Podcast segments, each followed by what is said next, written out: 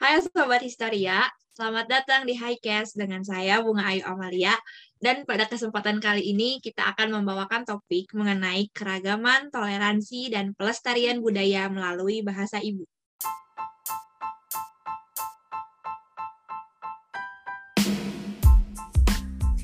Penetapan Hari Bahasa Ibu Internasional dilatar belakangi oleh protes yang terjadi untuk menentang pemaksaan bahasa Urdu pada 21 Februari 1952 di Pakistan Timur, yang sekarang dinamakan Bangladesh.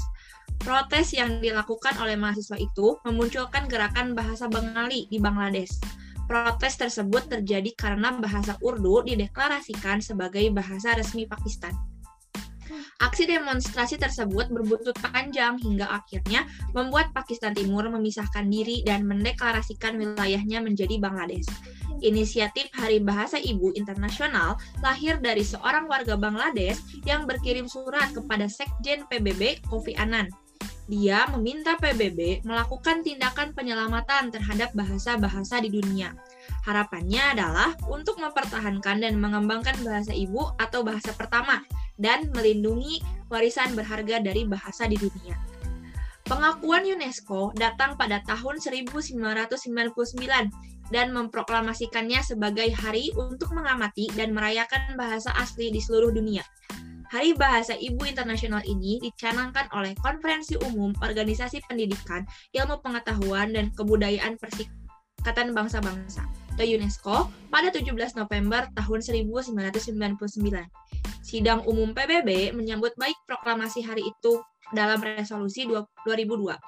Pada 16 Mei 2007, Sidang Umum Perserikatan Bangsa-Bangsa dalam resolusinya ARES 61-266 menyerukan kepada negara-negara anggota untuk mempromosikan pelestarian dan perlindungan semua bahasa yang digunakan oleh masyarakat di dunia. Dengan resolusi yang sama, Sidang Umum memproklamasikan 2008 sebagai Tahun Bahasa Internasional. Hari Bahasa Ibu Internasional diperingati sejak tahun 2000.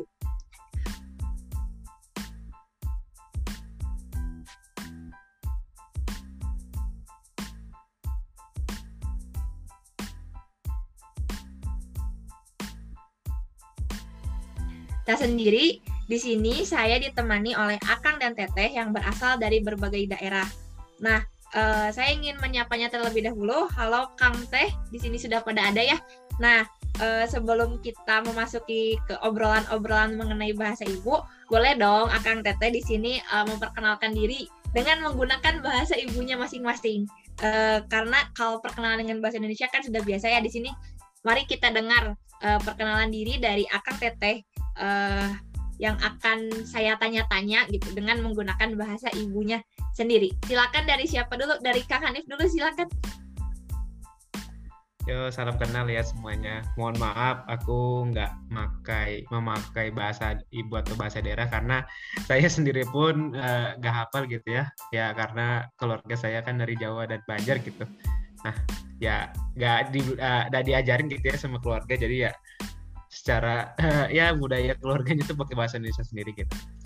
Nah, uh, perkenalkan ya, nama saya Muhammad Hanif Surya Bagaskara, asal dari Samarinda, Kalimantan Timur dan sekarang uh, sedang berkuliah gitu ya di Universitas Pendidikan Indonesia uh, angkatan 2019. Terima kasih. Oke, gak apa-apa Kak Hanif. Nah, nanti uh, kita belajar bareng-bareng ya Kak Hanif bahasa Samarinda. Agar Ya, oke. Okay. Selanjutnya boleh ke Haidan. Ya, oke. Okay. Assalamualaikum warahmatullahi wabarakatuh. Waalaikumsalam warahmatullahi wabarakatuh. Sampurasun. Rampes. Ya. Tepangken nami Abdi Haidan Ahsan. Abdi Kawiti, Kecamatan Karangpawitan, Kabupaten Garut, Jawa Barat. Posisi Abdi di Himas nyaeta janten staf bidang 2 atau napi bidang pendidikan. Tepatnya di Biro Penelitian Jeng Pengembangan. Hatur nuhun. Oke, orang Sunda nih Akang Haidan Kang Haidan lebih senang dipanggil Akang atau AA? Lebih senang AA. Oke, okay, AA Haidan. Tapi malam ini saya akan menyebut uh, Haidan Akang aja ya, karena udah kebiasaan Akang, jadi Kang Haidan aja deh. Oke, okay, ya, ya, nuhun Kang Haidan. Satu- selanjutnya, ya, selanjutnya boleh ke Teh Dame. Dame, halo, silakan. Oke, aduh, sorry ya, mungkin ini boleh di, agak kaku tapi ya nggak apa. Uh, Horas dongan guarhu damis manjuntak asal Husyan Bali Sumatera Utara. Uh, di sini aku sebagai narasumber untuk History Podcast. Uh, salam kenal buat kalian semua. Oke, salam kenal juga Teh Dame. Oke, siap. Bahasanya aku jujur Teh baru denger tahu. Karena aku orang Sunda, jadi aku baru denger Horas yang aku tahu cuma Horasnya saja. Horas. Oke, yang terakhir ada Kang Afrizal.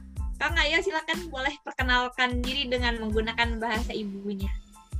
Nggih, Mbah. Eh, Assalamualaikum warahmatullahi wabarakatuh. Eh, Sugeng dalu, kula badhe numpangken kula panyam pinyambak. Nami kula Afrizal Arif, kula saking Kebumen Jawa Tengah. Saksi iki kula ing Bandung eh, nembe kuliah wonten ing Pendidikan Sejarah Universitas Pendidikan Indonesia. Sekaligus saya menjadi pem- pembicara hari ini. Oke, Kang Afrizal. Seru sekali ya mendengar eh, logat dan bahasa Jawanya eh, terasa menyatu gitu, kental dan jadi menyatu. Oke, eh, Akang Tete di sini pada sehat kan? Tadi Kang Hanif, Kak, Kang Haidan, Teh Damai, Kang Afrizal. Sehat, sehat, Alhamdulillah. alhamdulillah. Alhamdulillah. Oke, alhamdulillah. Oke. Di sini saya penasaran nih ingin bertanya banyak hal kepada Akang Teteh di sini terkait Hari Bahasa Ibu. Nah, yang ingin saya tanyakan pertama adalah apa sih makna yang bisa didapat dari peringatan Hari Bahasa Ibu ini? ya eh, kalau bicara soal makna makna apa sih yang bisa kita dapat gitu dengan memperingati hari bahasa ibu ini? Ya banyak gitu. Misal misalkan nih kita akan terdorong untuk membudayakan bahasa ibu dan juga mempelajari bahasa lain misalnya bahasa nasional. Lalu selain itu kita juga menjadi sadar gitu. Sadar akan keberagaman bahasa dan keberagaman budaya yang ada di dunia ini. Sehingga rasa toleransi akan tumbuh sendiri dalam hati kita dan toleransi inilah yang paling penting menurut saya karena rasa toleransi itu akan membuat jalannya kehidupan di dunia ini akan menjadi lebih lancar dan tidak berantakan Oke, mantap jawabannya Haidan. Nah, saya ingin bertanya nih ke Kang Hanif, seberapa besar sih pelestarian bahasa ibu? Dan seberapa penting bagi Akang? seberapa besar dan seberapa pentingnya. Hmm. Eh, kalau menurut saya sih eh, apa sih pentingnya untuk menjaga bahasa ibu gitu. Nah, kalau menurut saya jawabannya itu sama gitu dengan seberapa penting sih menjaga budaya kita gitu. Karena ya menurutku Jodingrat gitu ya, eh, salah satu dari unsur kebudayaan itu adalah bahasa selain dari religi, sistem sosial, kesenian dan hal-hal lainnya gitu. Nah, kan kita bisa melihat ya bahwa eh, bahasa ibu itu adalah bahasa yang turun temurun bahasa yang anggapannya sudah apa ya sudah terwariskan dari generasi sebelum generasinya gitu nah anggapannya secara otomatis jika kita namanya memelihara sebuah bahasa ibu ya secara otomatis kita menjaga keberlangsungan kebudayaan kita nah karena kebetulan bukan kebetulan ya lebih tepatnya karena Indonesia ini sangat banyak sekali suku dan budaya gitu. Nah, kekayaan yang menjadi sumber kekuatan dari Indonesia itu adalah ya bahasa dan kebudayaannya gitu. Ya terutamanya bahasa gitu. Nah, dengan kita menjaga bahasa sederhananya gitu, sederhananya aja gitu ya, menjaga bahasa ibu, kita tuh sama perannya dengan menjaga eh, kebudayaan yang ada di Indonesia. Nah, mungkin itu sih kalau menurut saya. Terima kasih. Oke, keren nih jawabannya. Eh, menjaga eh, bahasa ibu juga sama dengan menjaga budaya ya Kang Hanif. Oke, selanjutnya nih, saya jadi penasaran dari Akang Tete di sini ada gak sih pengalaman pribadi eh, dalam menggunakan bahasa ibu masing-masing yang di mana saya tahu nih Akang Tete di sini bahasa ibunya beda-beda, tidak hanya bahasa Sunda seperti saya. Gimana Kang Teh? Ayo. Siapa yang mau duluan ini? Ayo boleh Kang Hanif kalau mau duluan silakan. Oh, boleh. Nah, ini untuk pengalaman Akang sendiri gitu ya. Sebenarnya eh, kalau dimaksud bahasa ibu itu termasuk bahasa Indonesia, ya sebenarnya eh, bahasa Indonesia juga termasuk gitu. Nah, kalau berbicara bahasa ibu itu adalah bahasa daerah, nah saya tuh sangat jarang gitu ya memakai bahasa daerah. Karena kebetulan saya ini keluarganya dari dua suku gitu ya, bapak saya Wong Jowo, ibu saya Banjar. Nah, jadi secara kultur di rumah tangga atau kultur di keluarga tuh ya ngomongnya pakai bahasa Indonesia gitu, nggak ada yang pakai bahasa uh, Jawa to atau Banjar to gitu. Jadi anggapannya ya meskipun bahasa Indonesia kadang-kadang campur gitu ya namanya budaya gitu ya nggak bisa langsung lepas dirinya gitu nah kebetulan juga apa ya di tempat lahir saya gitu ya di Samarinda di Kalimantan Timur uh, orang-orangnya tuh juga nggak kebanyakan pakai bahasa daerah gitu. Nah di sekolah saya contohnya kebanyakan orang-orang tuh pakai bahasa Indonesia nggak yang pakai bahasa daerah. Pakai bahasa daerah iya cuma apa ya kayak selengean doang gitu. Cuma nggak langsung bahasa daerah semuanya gitu. Mereka tuh kadang-kadang campur gitu, bisa bahasa Banjar, bahasa Jawa atau bahasa apa pun. Karena ya mungkin kebetulan ke Samarinda ini kan banyak gitu ya transmigrannya gitu. Selain dari ya dominannya mungkin bisa dari orang Banjar gitu, selain dari orang ya ada juga orang Jawa dan segala macam. Paling itu sih pengalaman dari saya. Intinya mah uh, lumayan jarang sih kalau pakai bahasa Indonesia. Nah itu sih. Makasih Bunga menarik nih ya. Ternyata di Kalimantan itu karena banyak transmigran, jadi bahasanya juga beragam gitu. Saya kira di sana seluruh orang uh, menggunakan bahasa Banjar, ternyata ada juga yang menggunakan bahasa Jawa dan lain sebagainya. Kalau Teh Dame, gimana nih Teh pengalaman dalam menggunakan bahasa ibunya? Oke, kalau misalnya saya sendiri tanya mengenai pengalaman dalam penggunaan bahasa ibu, yang di sini kita garis bawahi bahasa daerah ya. Kalau saya itu bahasa Batak. Kalau sebenarnya penggunaan bahasa Batak di lingkungan rumah saya itu cukup banyak. Eh, rata-rata orang masih menggunakan bahasa Batak, cuman di seumuran kita, di mungkin di tahap umur seumuran kita SMA sampai kuliah itu mungkin penggunaan bahasa Batak itu sama kayak Anif tadi cuman sekedar untuk sel uh, selengian aja bukan secara formal bicara uh, khusus sesama teman. Tapi kalau uh, secara, secara pribadi uh, penggunaan bahasa Batak itu justru aku lebih pakai bahasa Batak itu ketika kuliah karena tiba-tiba ketemu orang di Bandung itu nggak ada gitu. Sama sekali nggak pernah dengar orang ngomong bahasa Batak itu ih kok tiba-tiba ada yang kurang ya? Nggak pernah dengar lagi. Walaupun mungkin di rumah cuman bapak sama mama aja yang ngomong pakai bahasa Batak. Tapi giliran ketika di sini ih kok nggak pernah. Makanya sekarang itu kalau misalnya telepon sama bapak atau mama itu aku biasain untuk pakai bahasa Batak. Itu sih biasanya penggunaan bahasa Batakku terus sama teman-teman juga kalau misalnya video call atau Zoom meeting dan sebagainya dengan teman-teman SMA atau teman-teman dari sama-sama dari Bali G atau dari Kampung Belulu biasanya kita uh, pakai bahasa Batak itu cuman ya mungkin nggak seintens ketika lihat bapak sama mak kita ngobrol gitu. Itu sih bunga. Wah keren juga nih ternyata teh kalau misalkan jauh dari Batak malah merindukan Batak ya. Jadi kayak beneran bahasa ibu gitu. Sejauh mana pun kita pergi tetap saja kita tidak bisa lepas dari ibu gitu dalam konteks ini bahasa. Makasih loh teh share pengalamannya. Terus aku mau nanya deh ke Kang Afrizal. Kang gimana pengalamannya dengan menggunakan uh, bahasa ibu? Akan bahasa ibunya apa? Sunda kan? Uh, jadi uh, lihat dari logat saya ya. Jadi uh, oh iya. uh, uh, aslinya dari Jawa Tengah, dari Kebumen ya sebenarnya saya itu uh, ibu saya itu kan asli Kebumen Jawa Tengah. Sedangkan kalau bapak saya itu aslinya dari Ngawi Jawa Timur. Uh, biasanya di rumah itu uh, menggunakan bahasa Jawa ya. Uh, kadang kalau saya ke orang tua saya kadang bahasa Indonesia kadang campur gitu. Apalagi kan uh, saya kan uh, uh, ngikut uh, mama saya gitu kan Jawa Tengah Kebumen uh, biasanya ngomongnya bahasa Banyumasan atau ngapak gitu ya kalau saya dengar. Sedangkan kalau bapak saya itu dialeknya Madiunan jadi agak berbeda dikit gitu bahasanya dialeknya. Jadi kadang uh, mama saya yang ngerti dari bahasa bapak saya uh, terus baliknya gitu. Jadinya uh, ada perbedaan sendiri gitu. Bahasa Jawa kan kalau kalau kalian misalkan dengan bahasa Jawa kan biasanya itu dialeknya Jogja Solo kalau uh, saya itu macam-macam ada yang Jogja Solo ada yang Banyumasan atau uh, Madiunan gitu. Jadinya macam-macam gitu. Nah kalau saya itu kan biasanya kalau ngedenger itu sering gitu ya. Apalagi saya kalau mudik gitu ya uh, sering dengar gitu. Uh, keluarga saya ngomong bahasa Jawa gitu. Itu saya uh, paham paham tapi sulit ngomongnya gitu. Karena kan takut salah bicara gitu. Harus memperhatikan kita ngomong dengan siapa gitu. Jadinya nggak sembarangan gitu. Uh, jadinya ya campur aduk gitu antara Jawa sama Indonesia itu aja sih. Oh iya Kang. Siap siap. Saya baru tahu kan kalau misalkan Jawa itu ternyata banyak apa ya logatnya gitu. Saya kira sebagai orang Sunda ya saya ngedengar orang Jawa yang ngomong ya mereka ya bahasa Jawa gitu. Nggak tahu ini bahasa Jawa Banyumas, bahasa Jawa Ngapak, bahasa Jawa Madiun yang penting bahasanya berbeda dari bahasa Sunda dan kata-katanya Jawa yaitu bahasa Jawa gitu bagi saya gitu ya sebagai orang Sunda.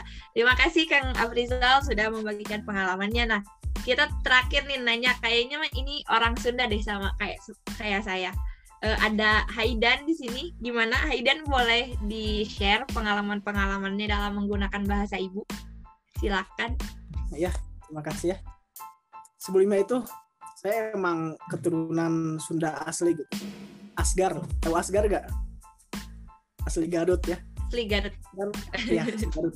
Dan kalau sehari-hari gitu maupun di komplek maupun di sekolah waktu SMA gitu emang kebanyakan bahkan hampir semuanya gitu memakai bahasa daerah ya atau bahasa Sunda mungkin ke sini ke sini ya pas waktu zaman SMA kebanyakan ya cewek-cewek itu jadi bahasa Indonesia tapi dicampur sama bahasa Sunda. Nah itu kebanyakan cewek-cewek kayak gitu ya sekarang. Terus kalau logat gitu ya ada perbedaan.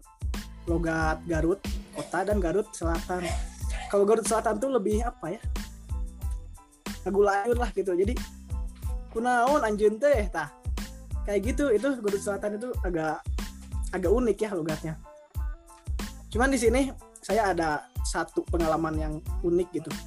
Jadi waktu itu saya mau ngambil KTM ya ke UPI dan saya itu nginep di kosannya teman teman saya gitu teman masa kecil saya yang kebetulan kuliah di UPI juga.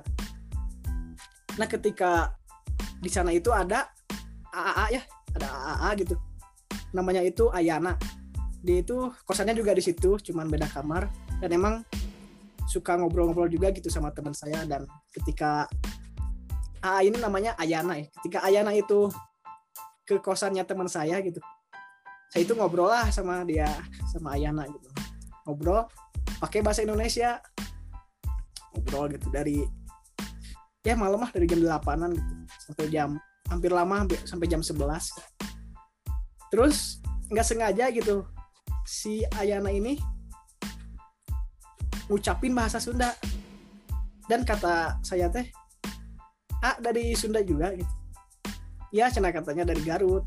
Eh ternyata sama dari Garut dan ternyata alumninya itu sama gitu sama sekolah saya. Alumni SMA 15 Garut dan SMA lah gitu. Cuman selama dari jam 8 gitu sampai jam 11an itu ngobrolnya pakai bahasa Indonesia gitu ya. Ini agak lucu juga sih. Kenapa nggak bahasa Sunda aja gitu dari awal? Mungkin segitu sih pengalaman oke ini dapat eh, sharing baru ya.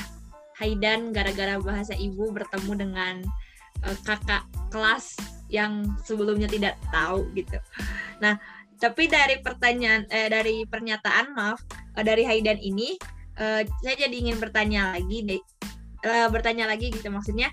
Eh, Haidan pernah gak sih minder kalau menggunakan bahasa ibu atau bahasa daerah di sekolah atau di tempat umum mungkin sekarang karena udah kuliah jadi di kampus gitu. Gimana Haidan? Kalau soal minder atau enggak gitu. Sebenarnya saya ini kalau menggunakan bahasa daerah gitu, atau bahasa Sunda saya teh emang nggak suka minder gitu. Cuman saya suka menyesuaikan gitu dengan lawan bicara. Kalau misalkan lawan bicaranya Sundanya kasar ya balasnya sudah kasar. Kalau lawan bicaranya sudah lemas balas sudah lemas. Kalau misalkan lawan bicara bisanya bahasa Indonesia doang atau bahasa daerah lain gitu ya pakai bahasa Indonesia gitu. Jadi kalau minder sih saya enggak gitu. Cuman lebih tepatnya suka apa menyesuaikan dengan lawan bicara Iya, karena di bahasa Sunda sendiri kan ada undak usuk bahasa ya, bahasa lemes, bahasa loma, bahasa kasar. Jadi kita juga harus melihat dulu siapa lawan bicara kita dan kita pakai bahasa Sunda yang undak usuknya yang mana gitu. Jadi kita juga bisa uh, tetap sesuai dengan adabnya orang Sunda gitu. Nah itu kan dari Haidan ya. Tapi saya juga penasaran nih dari Teh Dame.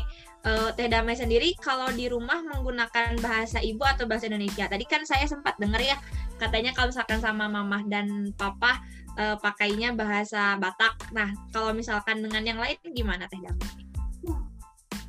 Oke, okay. kalau kalau misalnya di rumah itu uh, ya sama kayak mungkin Hanif juga pasti campur-campur. Kayak misalnya ada bahasa Batak, ada bahasa Indonesia. Tapi kalau misalnya bapak sama mama saya itu lebih in, lebih intens mereka berkomunikasi bahasa Batak. Jadi sesama mereka berdua itu lebih lancar bahasa Bataknya. Namun ke anak-anak, ke kami itu biasanya mereka ngomong pakai bahasa Batak, tapi kami anak-anaknya itu ngebalasnya itu pakai bahasa Indonesia. Karena kadang-kadang uh, kita tahu apa maksud mereka, tapi kita nggak tahu gitu ngebalasnya pakai bahasa Batak itu gimana. Tapi selama di rumah, ya itu ketika mendengar sama mama itu ngobrol bahasa Batak itu ya tetap ada yang nempel, walaupun eh, nggak uh, sepenuhnya bisa kita balas pakai bahasa Batak juga. Mungkin itu sih bu. Hmm, iya, jadi timbal baliknya dengan menggunakan dua bahasa ya teh beragam sekali. iya, Bu. Iya, ya, kalau saya di rumah mama papa Sunda, saya juga Sunda gitu. Kadang-kadang pakai bahasa Indonesia, gak apa-apa bahasa ibu. nah, uh, lanjut karena tadi saya juga sempat mendengar ya dari Kang Hanif gitu yang menyatakan kalau menurut uh, Kuncara Nikmat bahasa itu juga merupakan bagian dari budaya. Nah ini menarik nih bahasannya. Saya ingin bertanya ke Kang Hanif sebelumnya kan dari fenomena masyarakat Indonesia sekarang, khususnya yang tinggal di perkotaan, pada umumnya menggunakan bahasa Indonesia dan mengajarkan anaknya dari kecil untuk menggunakan bahasa Indonesia. Tapi kadang-kadang uh, mereka itu sering juga menggunakan bahasa ibu atau bahasa daerahnya, bahasa asalnya gitu. Nah, menurut Kang Hanif sendiri, apakah ini dapat menjadi faktor dari punahnya bahasa daerah? Hmm, ini sebenarnya pertanyaan yang rumit ya. Maksudnya rumit itu sebenarnya kalau aku analisis gitu ya, aku bandingkan gitu. Kota Samarinda dengan Bandung gitu. Nah, kan kalau aku lihat di Samarinda Samarinda itu kan uh, mayoritasnya itu kan ngomongnya bahasa Indonesia gitu. Nah, sedangkan kalau aku lihat dari Bandung gitu ya, kalau aku analisis dari sudut pandang orang luar Bandung gitu ya. Nah, aku lihat orang-orang Bandung itu kebanyakan saat dia ngomong sama sesamanya sendiri itu dia pakai bahasa daerah. Nah, kalau menurutku itu kalau misalnya uh, misalnya kota itu menjadi salah satu faktor kenapa bisa ada punahnya bahasa daerah itu sebenarnya apa ya? kalau menurut aku kurang tepat itu karena kalau menurut aku ya itu tuh tergantung dengan uh, kultur dan budayanya sendiri gitu contoh kan dari budaya yang ada di Samarinda gitu ya khususnya aku kan anggapannya sudah terbentuk gitu bahwa orang-orang di sana itu uh, umumnya memakai bahasa uh, Indonesia. Nah, sedangkan di Bandung, kalau aku lihat, meskipun daerah perkotaan yang ya perkotaan gitu ya, uh, mayoritas masyarakat tuh masih banyak menggunakan bahasa Sunda. Nah, jadi kalau menurut aku salah satu yang bisa menjadi faktor penyebab punahnya bahasa daerah atau bahasa ibu itu adalah tergantikan oleh budaya lain. Nah, contohnya kan kayak Samarinda kan dulu kalau zaman dulu gitu ya, nggak mungkin ini dari bapak dan ibu gitu. Orang-orang tuh masih banyak yang pakai bahasa daerah kayak Dayak atau Banjar gitu. Nah, cuma kalau sekarang kan anggapannya sudah beda era gitu kalau anggapannya kata siapa ya Yonglek gitu ya bukan era lo lagi gitu jadi ya ya anggapannya di Samarinda sekarang sih kalau aku lihat lebih banyak pakai bahasa Samarinda gitu jadi mah kesimpulannya lebih kepada apa ya? Salah satu menjadi faktor penyebabnya yang mungkin bisa menjadi faktor gitu ya punahnya bahasa daerah itu adalah tergantikan oleh uh, budaya lain. Mungkin itu sih jadi itu dari aku bunga. Terima kasih. Hmm, iya benar Kang, saya juga setuju tergantikan dengan budaya lain di sini. Maksudnya bukan menghilangkan budaya aslinya sih, tapi lebih ke jadi beragam gak sih Kang bahasa ibunya gitu. Kayak misalkan Akang nih di Samarinda, mungkin bahasa bahasa Samarinda gitu, tapi karena tadi kata Akang juga ada transmigran transmigran dari luar Samarinda yang datang ke Samarinda dengan membawa bahasa ibunya, jadi bahasa asli dari Samarinda sendiri juga tergantikan oleh bahasa-bahasa ibu dari uh, para transmigran pendatang-pendatang itu. Kan ya Kang Hanif? Nah, uh, karena di sini saya tadi menyebutkan ada masyarakat yang heterogen, uh, di sini saya pengen tahu deh ke Kang Afrizal nih ya, uh, bagaimana sih sikap Akang gitu menyikapi uh, keragaman bahasa ibu di kalangan kampus yang heterogen. Kayak misalkan kan kalau misalkan kita bertemu ada Kang Hanif, Haidan, Teh Dame dan Akang juga kan bahasa ibunya berbeda-beda ya, tidak sama gitu. Nah, gimana nih Kang? Jadi uh, dari pandangan saya sendiri uh, bunga uh, kalau yang kampus misalnya yang bersifat heterogen itu bagus ya bagi saya. Kenapa? jadi saya itu punya pengalaman loh punya kenalan gitu yang berasal dari berbagai daerah gitu selain di luar kampus pun saya punya gitu teman dari luar daerah gitu dan pengalaman saya dari sekolah dari SD SMP SMA itu semuanya jujur aja Sunda terus kayak monoton terus hitam putih terus kayak aduh ini nggak ada yang lain gitu nggak ada yang baru gitu. Nah semenjak kuliah itu tuh saya ada lihat gitu macam-macam. Ada ada yang dari Kalimantan ada yang dari uh, Sumatera ada yang dari uh, Bali dan sebagainya dengan uh, bahasa mereka masing-masing. Dan uh, saya dengar logatnya pun khas gitu. Jadi uh, membuat saya itu kayak terkesima gitu istilahnya gitu. Jadi wow uh, saya punya uh, teman baru dengan warna-warna uh, yang baru gitu. Jadi nggak kayak sebelum uh, sekolah seperti SD sampai SMA yang itu itu, itu terus gitu. Nah, jadinya saya merasa senang gitu punya teman yang dari berbagai macam daerah dengan menggunakan bahasa uh, ibunya masing-masing. Itu cukup bagus bagi saya karena itu harus menunjukkan gitu asal identitas mereka dari mana dan jangan sampai kalau misalkan uh, ditanya dari mana gitu ya dari Sumatera apakah bisa bahasa ini nggak terlalu bisa ya itu kan sebenarnya kayak uh, istilahnya mungkin ada rasa mindernya gitu dari orang yang pendatang gitu itu aja sih dari saya. Hmm, Oke okay. dan dengan heterogennya teman-teman Akang yang Akang temui di kampus juga uh, bisa membuat Akang menjadi belajar bahasa ibu yang lainnya nggak sih Kang?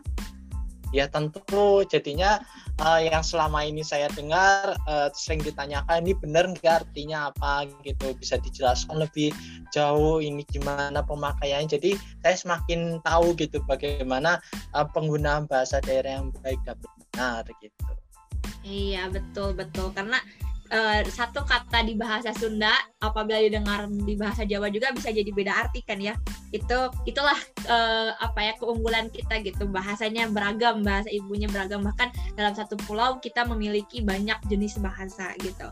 Nah untuk selanjutnya aku jadi mau uh, nanya lagi ke Akang nih.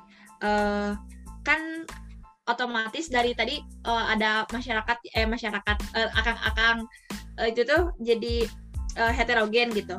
Nah, uh, Akang dan teman-teman juga pasti dong belajar uh, bahasa asing gitu. Nah, saya ingin bertanya, apakah masuknya bahasa asing itu menurut Akang dapat mempengaruhi keberadaan bahasa ibu atau bahasa daerah? Apa gimana Kang? Secara kan pasti Akang dengan teman-teman juga banyak yang ahli dalam bahasa asing di luar bahasa daerah dan bahasa Indonesia. Nah, jadi uh, mengenai soal itu kan memang uh, memang banyak gitu faktor-faktor yang ada.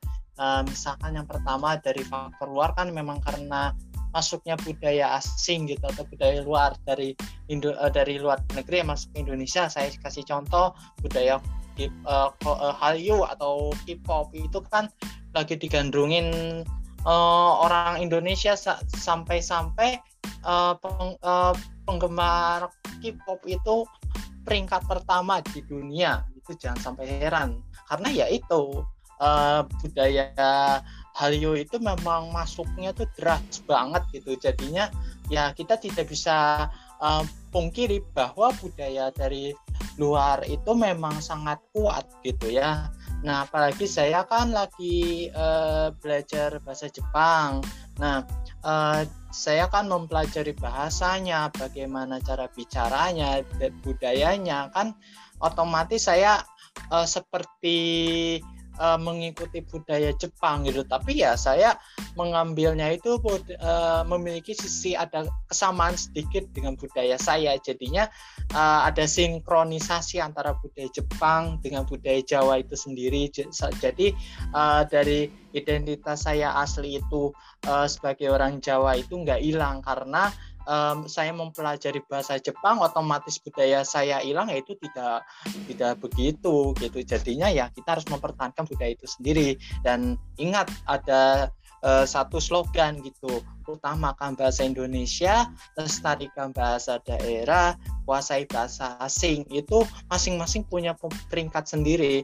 Kita harus wajib menggunakan bahasa Indonesia, tetapi kita harus lestarikan bahasa daerah gitu. Karena bahasa daerah itu merupakan cerminan kita uh, untuk memperlihatkan identitas-identitas uh, orang-orang Indonesia dari berbagai macam suku ataupun ras gitu. Kemudian kita juga tidak salah mempelajari bahasa bahasa asing sebagai karena kita juga kan butuh berkomunikasi dengan orang-orang luar uh, Indonesia gitu sehingga ya uh, mau tidak mau kita juga harus uh, bisa berbahasa asing gitu.